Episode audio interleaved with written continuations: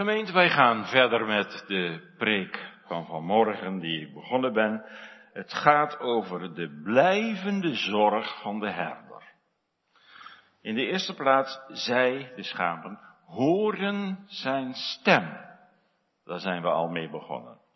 In de tweede plaats, hij kent ze, zijn schapen. Daarna, zij volgen hem. En tenslotte, hij houdt ze vast. Daar gaat het nu over. Ja, inmiddels is toch wel duidelijk of u hoort bij de kudde van de goede herder, of niet? Ik denk dat wie tot zijn kudde behoort ook zijn naam beleden heeft. Ja, dat is natuurlijk niet waterdicht. Er kunnen best wel mensen zijn die, die toch niet gedurfd hebben. Hopelijk heeft de Heer later vrijmoedigheid, als u toch de Heer heeft liefgekregen.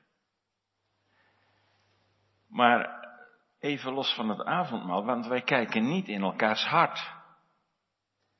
En we gaan niet berekenen hoeveel je beleefd hebt van dit en hoeveel je beleefd hebt van dat. Hoe kun je dat nu weten? Dat je een schaap bent van de kudde van de Heere Jezus. Wel, onze tekst geeft een heel duidelijk kenmerk daarvan. Want daar staat, mijn schapen horen mijn stem. En daar ging het vanmorgen al over, hè? En je zegt misschien, ja, maar er waren zoveel mensen om Jezus heen die zijn stem gehoord hebben. Uh, in zijn omwendeling op aarde liep het hele land tot hem uit. Die mensen hebben allemaal zijn stem gehoord. Zijn prediking maakte ook grote indruk. De tempelpolitie die Jezus moest vangen, keerden onverrichter zaken terug. En ze zeiden, ja, nog nooit heeft een mens gesproken zoals deze mens. Ze hoorden hem wel. En ze kwamen ook onder de indruk. Maar ze begrepen het niet. Dat kan nog voorkomen. De vertrouwde klanken horen. En dat het je toch niet raakt. U hebt gezien, gemeente, wie er aan tafel ging vanmorgen en nu. En als u zelf niet geweest bent, hebt u misschien gedacht, ja, ja, voor mij is het niet. Hoe weet u dat? Niet gaan is ook een keus. Dan zeg je, ik ken hem niet. Je verloochent hem. Want als je zijn stem hoort, betekent dat dat je hem gehoorzaamt. Je leven wordt anders, alles wordt nieuw. Je harde hart verbreekt. Je oog gaat open voor de rijkdom van de goede herder. De schoonheid van hem en zijn liefde en gewilligheid. Mijn schapen horen mijn stem. Zo ontmoet een horend schaap een sprekende herder. En waar de stem van de Heer Jezus klinkt, u moet niet denken dat uw oren dat moeten horen, maar het gaat om je hart. In zijn woord waarin je leest, waarover gepreekt wordt, waarover gezongen wordt. Je herkent zijn stem in de Bijbel. Als je gedeelte leest, wat, wat naar binnen komt, wat, wat precies past in de situatie waarin je bent en waardoor je een antwoord krijgt van de Heere. Je komt er niet meer los van. Dat is de stem van je liefste. Het past precies in de omstandigheden. Het is een antwoord op je vragen, of misschien een vermaning, om je van een verkeerde weg terug te roepen. Het woord ligt op en maakt je hart gaande, zodat het in liefde en geloof ontbrandt voor de dienst van God en voor de Heer Jezus. De schapen zijn daar te vinden waar de stem van de herder klinkt. Je ziel gaat uit vanwege zijn spreken. Zijn nodigen de stem van morgen en van middag. Kom, want alle dingen zijn gereed. Eet van mijn brood en drink van mijn wijn. En aan tafel sprak hij daarin brood en wijn En daarmee wilde hij zeggen, ik ben uw heil alleen. Heel vertroostend als je zoekt naar heil, naar zaligheid, naar geluk. Maar de stem van de goede herder dreigt soms tegengestaan te worden, of laat ik zeggen, overstemd te worden door andere stemmen. Dat is vandaag denk ik een van de grootste gevaren voor de gemeente van Christus. Dat zijn stem niet meer gehoord wordt. We worden belemmerd in onze concentratie, in ons luisteren naar de herder. Door van alles om ons heen. Al is het maar een mobieltje wat iedere keer een pingeltje geeft en dat je toch al nieuwsgierig bent wie er aan de lijn was. Ja, van alles kan het zijn.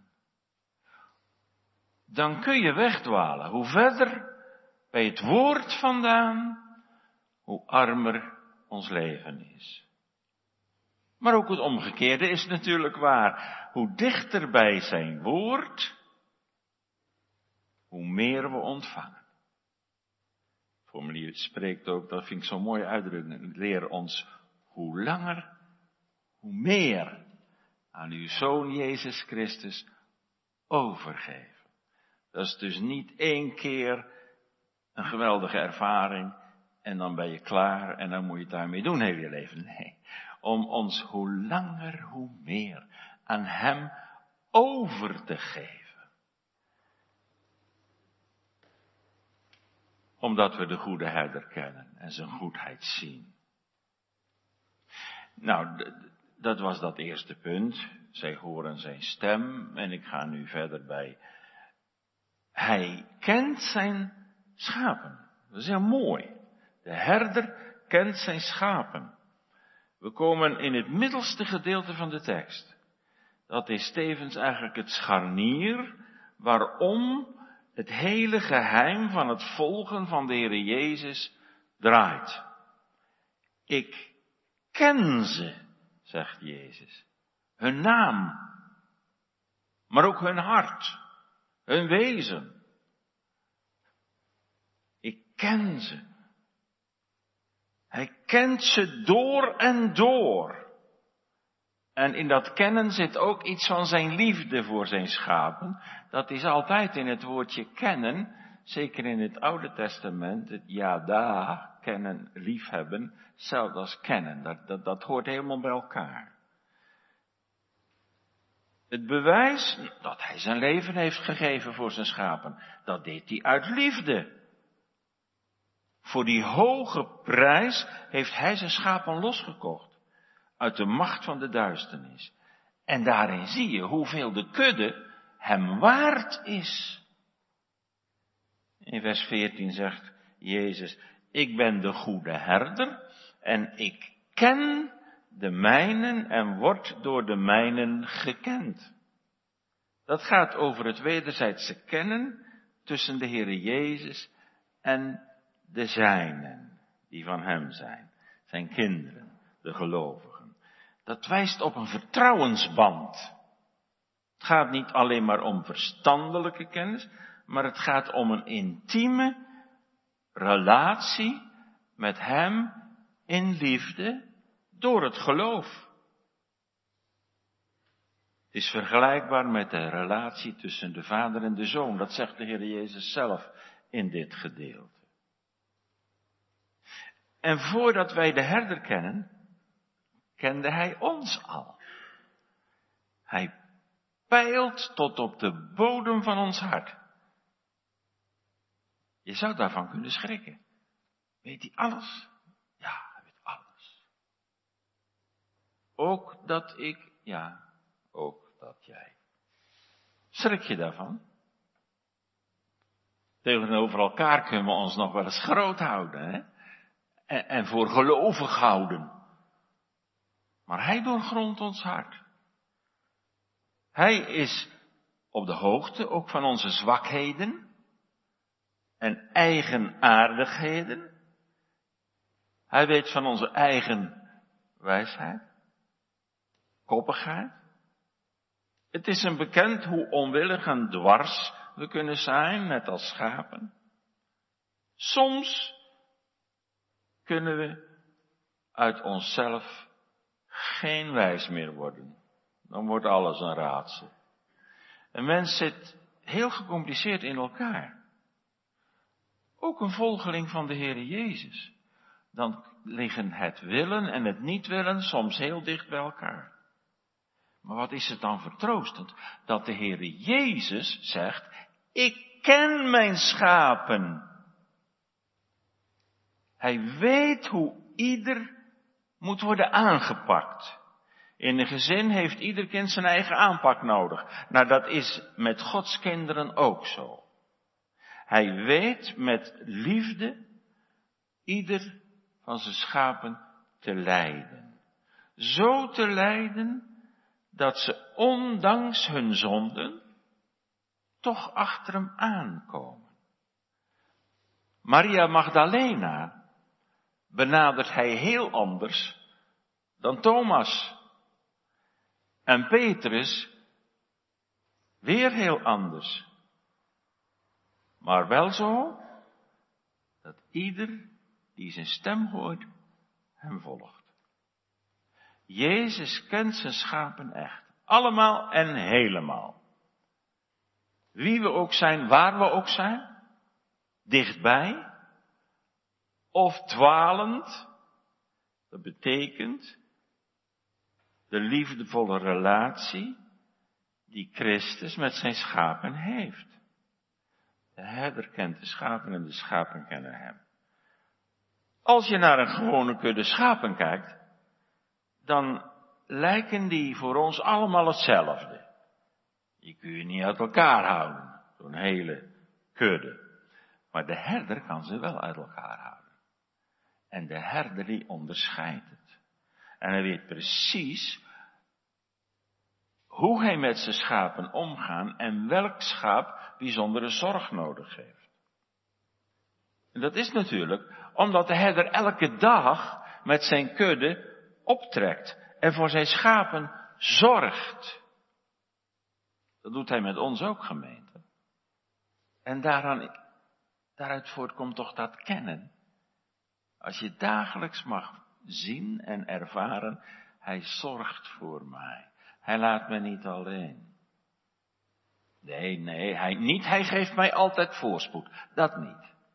Maar in het dal van de schaduw en des doods, gij zijt met mij. Uw staf en uw stok, die vertroosten mij. Natuurlijk, omdat de herder zijn schapen kent en ervoor zorgt. En ze zijn niet allemaal even dicht bij hem. En juist omdat schapen al, niet altijd zo volgzaam zijn, misschien herkent u dat ook, vanmorgen hebben we het gezongen, gelijk een schaap heb ik gedwaald in het rond.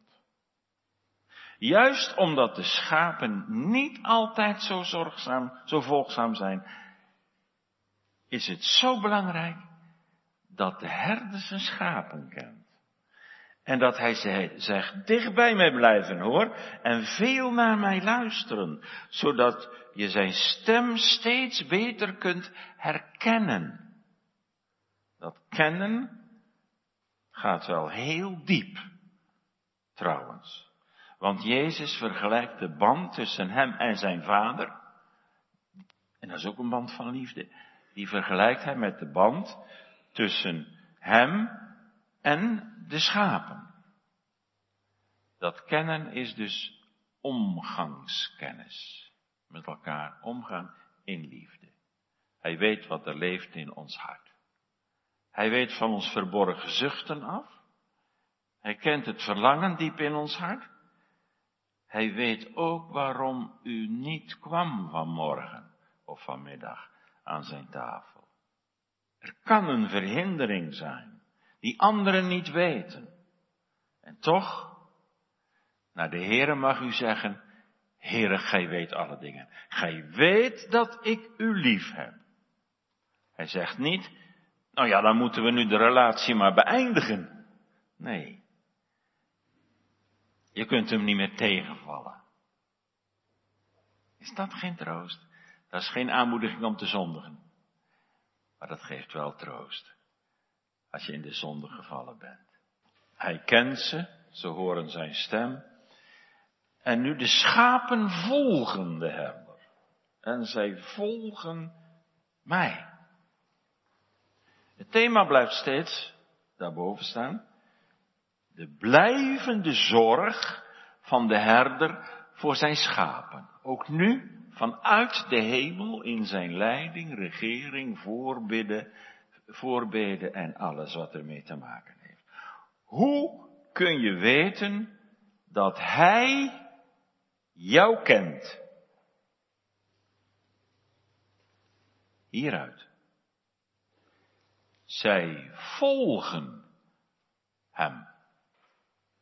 Dan word je een discipel van Jezus, een volgeling. Dan volg je de herder. Daar komt het op aan. Dat wij in ons leven, in ons geloof, in onze levenspraktijk de herder volgen. Schapen die niet volgen, die komen om. Door gebrek aan voedsel of door gebrek aan water. Of ze worden vroeger of later een, een prooi van de wolf of van een ander wild dier. Hun leven, ja hun hele bestaan is afhankelijk van de herder. En het is van levensbelang, gemeente, jongelui, dat we Jezus volgen. Achter hem aankomen. En dat is het nu juist. Wij zijn niet zo volgzaam van huis uit. Wij kiezen eigenlijk liever onze eigen route. Liever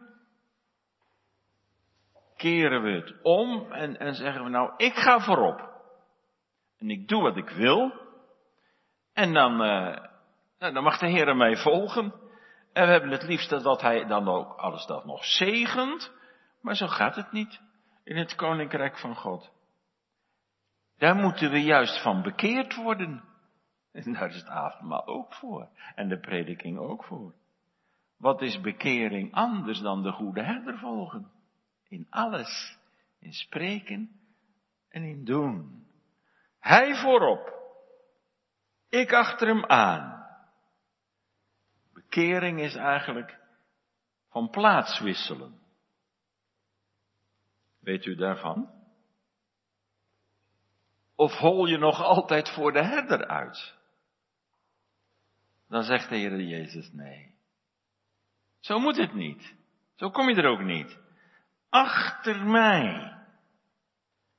Zo wordt ons onze plaats gewezen. Want als je voor hem uitgaat, dan zie je hem niet. Dan zie je alleen de omstandigheden. En dan denk je, waar moet ik heen? Links, rechts. Maar als de herder voorop gaat, ja, dan kan je hem volgen. Dan weet je dat je op het goede spoor zit. Gelijkvormig worden aan de Heere Jezus. Iets uitstralen van de Heere Jezus. Hij is het hoofd in de hemel en wij zijn het lichaam op aarde. Dat is het rijkste wat er is. Als Christus, achter Christus aankomen, dan hebben we niets tekort. Hij zorgt voor voedsel, hij ziet de voedzame weide, geestelijk voedsel, een Bijbel vol. Maar het moet wel je hart raken. Die honger en dorst daarna, dat verlangen. En daar gebruikt hij weer de Heilige Geest voor. Zijn tafel gedekt met brood en wijn, versterkende middelen. Soms gaat de weg door de woestijn. Weet u waarom? Ja, om een nieuwe weide te vinden, waar de schapen zullen gedijen. Hij loodst zijn kudde door alle gevaren heen. Hij beschermt zijn schapen, maar het is wel een zaak dat we dicht bij hem blijven. Zij volgen mij. Is de volgorde. Horen, kennen en volgen. Dat mag toch van een schaap worden verwacht? Dat is het eerste wat hij zijn discipelen toeroept. Als hij ze roept, volg mij. En daarom lieten de vissers in Galilea hun netten en hun schip achter. Volg mij. Levi laat al zijn paparassen en zijn douanekantoor achter zich. Christus roept ons ook nu. Volgen. Volg mij. Dat riep hij vanmorgen trouwens ook en vanmiddag ook om naar het avondmaal te komen. Mij volgen. Ik zet mijn treden in uw spoor, hebben we gezongen. Hij wast ons niet alleen door zijn bloed, maar hij merkt ons daar ook mee. En dat verplicht tot heiligmaking. Probeer de lijn maar even te volgen. Dat we Hem dienen.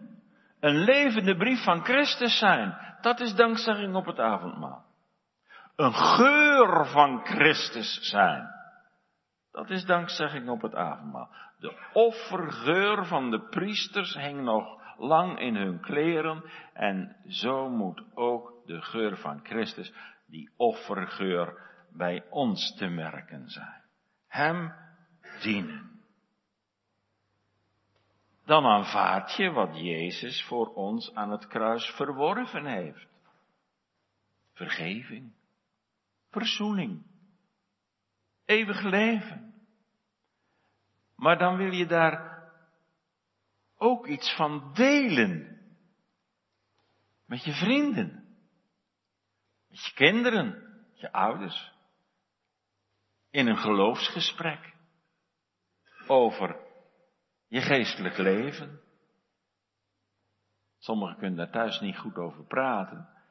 Ik weet wel, naar een vreemde kan het soms gemakkelijker zijn dan naar je eigen huisgenoten, maar u moet dat toch echt wel doen hoor. Delen. De geest wil ons soms zomaar een duwtje geven in de rug om te spreken en om te getuigen. En als je het goed gehad hebt aan zijn tafel, ja, dan, dan zul je dat toch wel doen. Zo ga je niet alleen over Gods genade spreken, maar je zoekt elkaar bewust op om dingen met elkaar te delen. Een pan soep. Je auto voor een paar dagen als je hem zelf niet nodig hebt.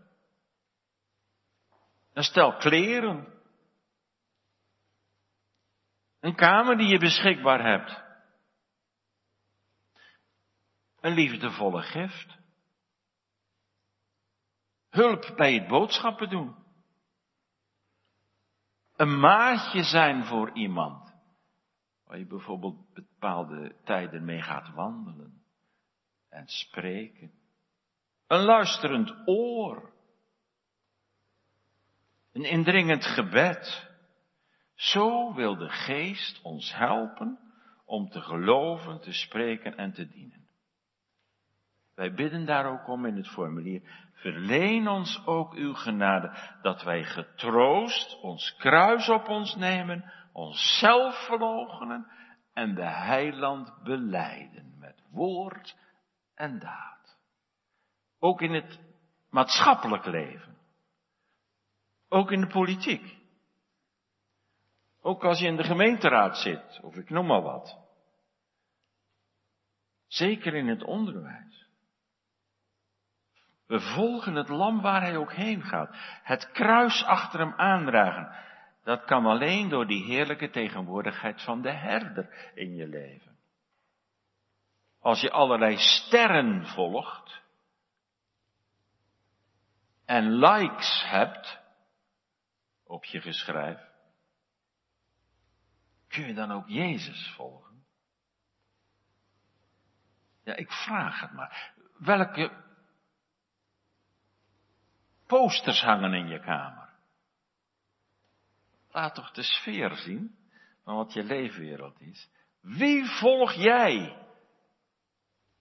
Jongelui. Tieners. Wie volg jij? In godsdienstig opzicht gebeuren wel vergelijkbare dingen. Veel ouderen lopen achter dominee X aan. En jongeren luisteren soms liever naar dominee Y. En een poosje later hobbelen ze weer achter iemand anders aan die het nog mooier kan zeggen. Maar de schapen van Jezus volgen Hem. Onder het kruis. Door de dood heen naar het eeuwige leven. Dat kost zelfverloochening. Maar gemeente, Jezus is genoeg.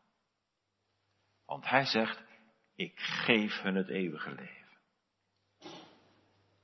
En dan krijg je wel te maken met tegenstand. De duivel is er altijd op uit om de kudde van de Heer Jezus te verscheuren. Maar de goede herder is erop uit om de kudde te beschermen. Ja, want de Heer verzekert ons van het eeuwige leven. Hij laat je niet meer los. En daar wil ik het nog even over hebben, want dat is onze laatste gedachte. Hij houdt ons vast. U ziet er gelijk een wisselwerking in, hè? Als je die aandachtspunten naast elkaar zet. Het is een hele rijke belofte, waar de tekst mee eindigt. Ze zullen niet verloren gaan in der eeuwigheid. En niemand zal de schapen uit mijn hand rukken. Er is, we noemen dat zo, volharding der heiligen. Dat betekent dat je een kind van God blijft, ook al zou je in de zonde vallen zoals Petrus en David, maar dat, dat de Heer je niet loslaat, dat je nooit meer af kan vallen en verloren kan gaan, als je eenmaal echt een kind van God bent. Dat betekent de volharding der heiligen. Jezus houdt ze vast. Hij bewaart ze bij de verkregen verlossing. Zijn doorboorde handen verzekeren de schapen ervan dat zij ook beschermende handen zijn. Vanmorgen en vanmiddag verzekerde Christus ons van zijn hartelijke liefde en trouw. Vanmiddag herhaalt hij die belofte van zijn volbrachte werk. Ze zullen niet verloren gaan. Ik had er eens een heel interessant gesprek over. In, uh, of het nou in Oekraïne was of in Rusland, in Siberië, dat weet ik niet meer. Ik ging wel eens met Koe en ook met Friedesteam op pad. En toen kregen we een hele discussie over de volharding der heiligen. Ze zeiden, ja, wij, uh, dat is niet ons geloof. Volharding der heiligen, dat, dat, nee, je kan ook nog verloren gaan. Nou, dat ben ik niet met je eens. Waarom niet? Daar heb ik gewoon maar twee teksten genoemd. Ik zeg nou, deze tekst. De Heer Jezus zegt, als ze eenmaal schaap zijn, ze zullen niet verloren gaan in de eeuwigheid. En bijvoorbeeld in de, in de Petrusbrief, het eerste hoofdstuk, daar staat dat God de erfenis bewaart voor zijn kinderen en dat hij zijn kinderen bewaart voor de erfenis. Ik zeg, wat vind je daarvan dan? Geloof je dat wel? Ja, dat geloven we wel. Maar ja, dan ben je een echt kind van God. Dan ben je wedergeboren. Oh, nu snap ik het. Wat wij tijdgeloof noemen, dat noemen zij de afval der heiligen. Dus het gaat om woorden, maar de waarheid geloofden we allebei hetzelfde. Ik geef hun het eeuwige leven. Dat gaat dus niet over tijdsduur maar over een andere werkelijkheid, over een andere orde. Staat tegenover ons vergankelijk leven. Hij geeft, hij schept, hij schenkt door de kracht van zijn geest, zijn levendmakende geest. Het leven, eeuwige leven, kan nooit meer sterven. Het is eeuwig leven. Het eeuwige leven is dat we God kennen. Hem die de dood overwonnen heeft. En ze zullen niet verloren gaan in der eeuwigheid. Dat is een, zo'n troost. Dat is een, een belofte van verzekering. Ze zullen niet verloren gaan. Misschien bent u daar wel eens bang voor. Dat kan. De duivel kan je daar ook mee bestoken. Als je ziet hoe hoog je schuldrekening is bij God.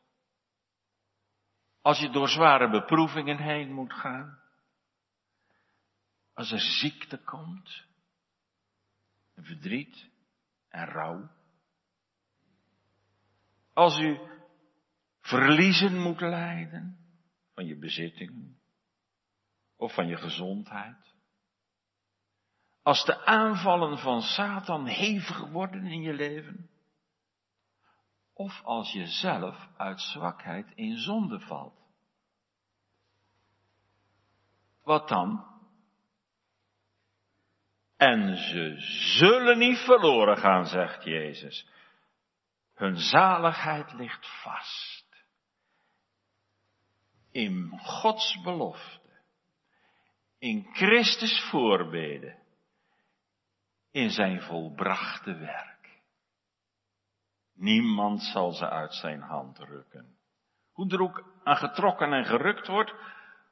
En de wolf die probeert alle mogelijke dingen te doen. We kunnen de wolf misschien wel eens identificeren met de duivel. Als een gemeen roofdier gaat hij rond op zoek naar prooi. Je zal maar in zijn klauwen zitten. Ik heb dat ervaren, ga ik me niet vertellen, maar de Heer heeft mij eruit gehaald. Hij heeft op, het, op de schapen van Christus voorzien. De wolf de duivel. En hij zal zijn uiterste best doen om ze weg te trekken bij de goede herder. Rukken, dat woordje, dat, dat proeft u toch wel, hè? Er zit een, een, een onaangename connotatie aan vast. Rukken, dat betekent, ja, er wordt veel aangetrokken en gerukt. Alleen dat woord al, daar zit een stuk agressie in. Zoals een overvaller op straat een tasje uit je handen rukt en er vandoor gaat. Met geweld.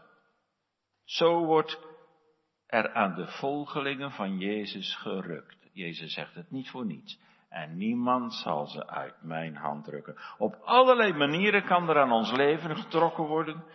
Nu is een heftige vorm, dan in een bepaalde verleiding waar je in komt. Maar de boze kan ook heel geraffineerd ons in handen proberen te krijgen door geestelijke verslapping. Je stille tijd niet meer waarneemt. Onderschat dat gevaar niet, maar overschat het ook niet. Jezus zegt, niemand kan mijn schapen uit mijn hand ruiken. Dat blijft staande, al wordt u heen en weer geslingerd. Maar dit blijft echt staan. Jezus doet wat hij zegt. En volgens vers 29, dat heb ik er niet bijgenomen, maar is er nog een hand. En dat is de hand van de Vader. En die twee handen, die houden de schapen vast. We zijn veilig in de dubbele liefdesgreep van God. Dat is het eigenlijke geheim van de geloofsvolharding. Dat ligt niet in ons, maar in God. Wat de Heere eenmaal in handen heeft, dat laat Hij nooit meer los. Gemeente van morgen heeft de Heere Jezus en vanmiddag zijn schapen verzekerd van zijn hartelijke liefde en trouw. En misschien hebt u wel genoten en zegt u, ja, het was echt goed, ik heb vrede. Maar kun je dat nu volgende week nog zo geloven en vasthouden? Als je leven verder gaat. Als je werkje in beslag neemt. Als de kruis en tegenspoed komt. Als de wereld ons lokt en Satan bestrijdt ons. Dan kun je alleen maar verder met de belofte van de Heere Jezus. En zij zullen niet verloren gaan in der eeuwigheid. En niemand zal ze uit mijn hand rukken. Schapen van zijn kudde, u bent veilig in Jezus handen. Dat maakt niet zorgeloos, maar ernstig en ijverig om voor Hem te leven. En zo zullen we Zijn liefdesmaaltijd gebruiken. Totdat Hij komt. Of totdat wij thuiskomen in de hemelse schaapskooi, om de herder daar voor eeuwig te loven en te prijzen. Amen. Heren, dank u wel voor alles wat u gaf in dit avondmaal. Almachtige, warmhartige God en Vader. Wij danken u van ganser harte dat gij uit grondeloze barmhartigheid ons uw enige geboren zoon tot een middelaar en offer voor onze zonden en tot een spijs en drank voor het eeuwige leven geschonken hebt. En dat gij ons geeft een waarachtig geloof, waardoor wij zulke uw weldaden deelachtig worden. Gij hebt ons ook tot sterking daarvan door uw lieve Zoon Jezus Christus het heilig avondmaal laten instellen en verordenen. Wij bidden u, o getrouwe God en Vader, dat gij, door de werking van uw Heilige Geest, de gedachtenis van onze Heer Jezus Christus en de verkondiging van zijn dood ons tot dagelijks toenemen in het rechte geloof en in de zalige gemeenschap van Christus wilt laten gedijen. Door Hem, uw lieve Zoon, Jezus Christus, in wiens naam wij onze gebeden besluiten zoals Hij ons geleerd heeft, zeggende onze Vader, die in de hemelen zijt. Uw naam worden geheiligd, uw koninkrijk komen, uw wil geschieden, gelijk in de hemel als ook op de aarde. Geef ons heden ons dagelijks brood en vergeef ons onze schulden, gelijk ook wij vergeven onze schuldenaren. En leid ons niet in verzoeking, maar verlos ons van de boze. Want uw is het koninkrijk en de kracht en de heerlijkheid in der eeuwigheid. Amen.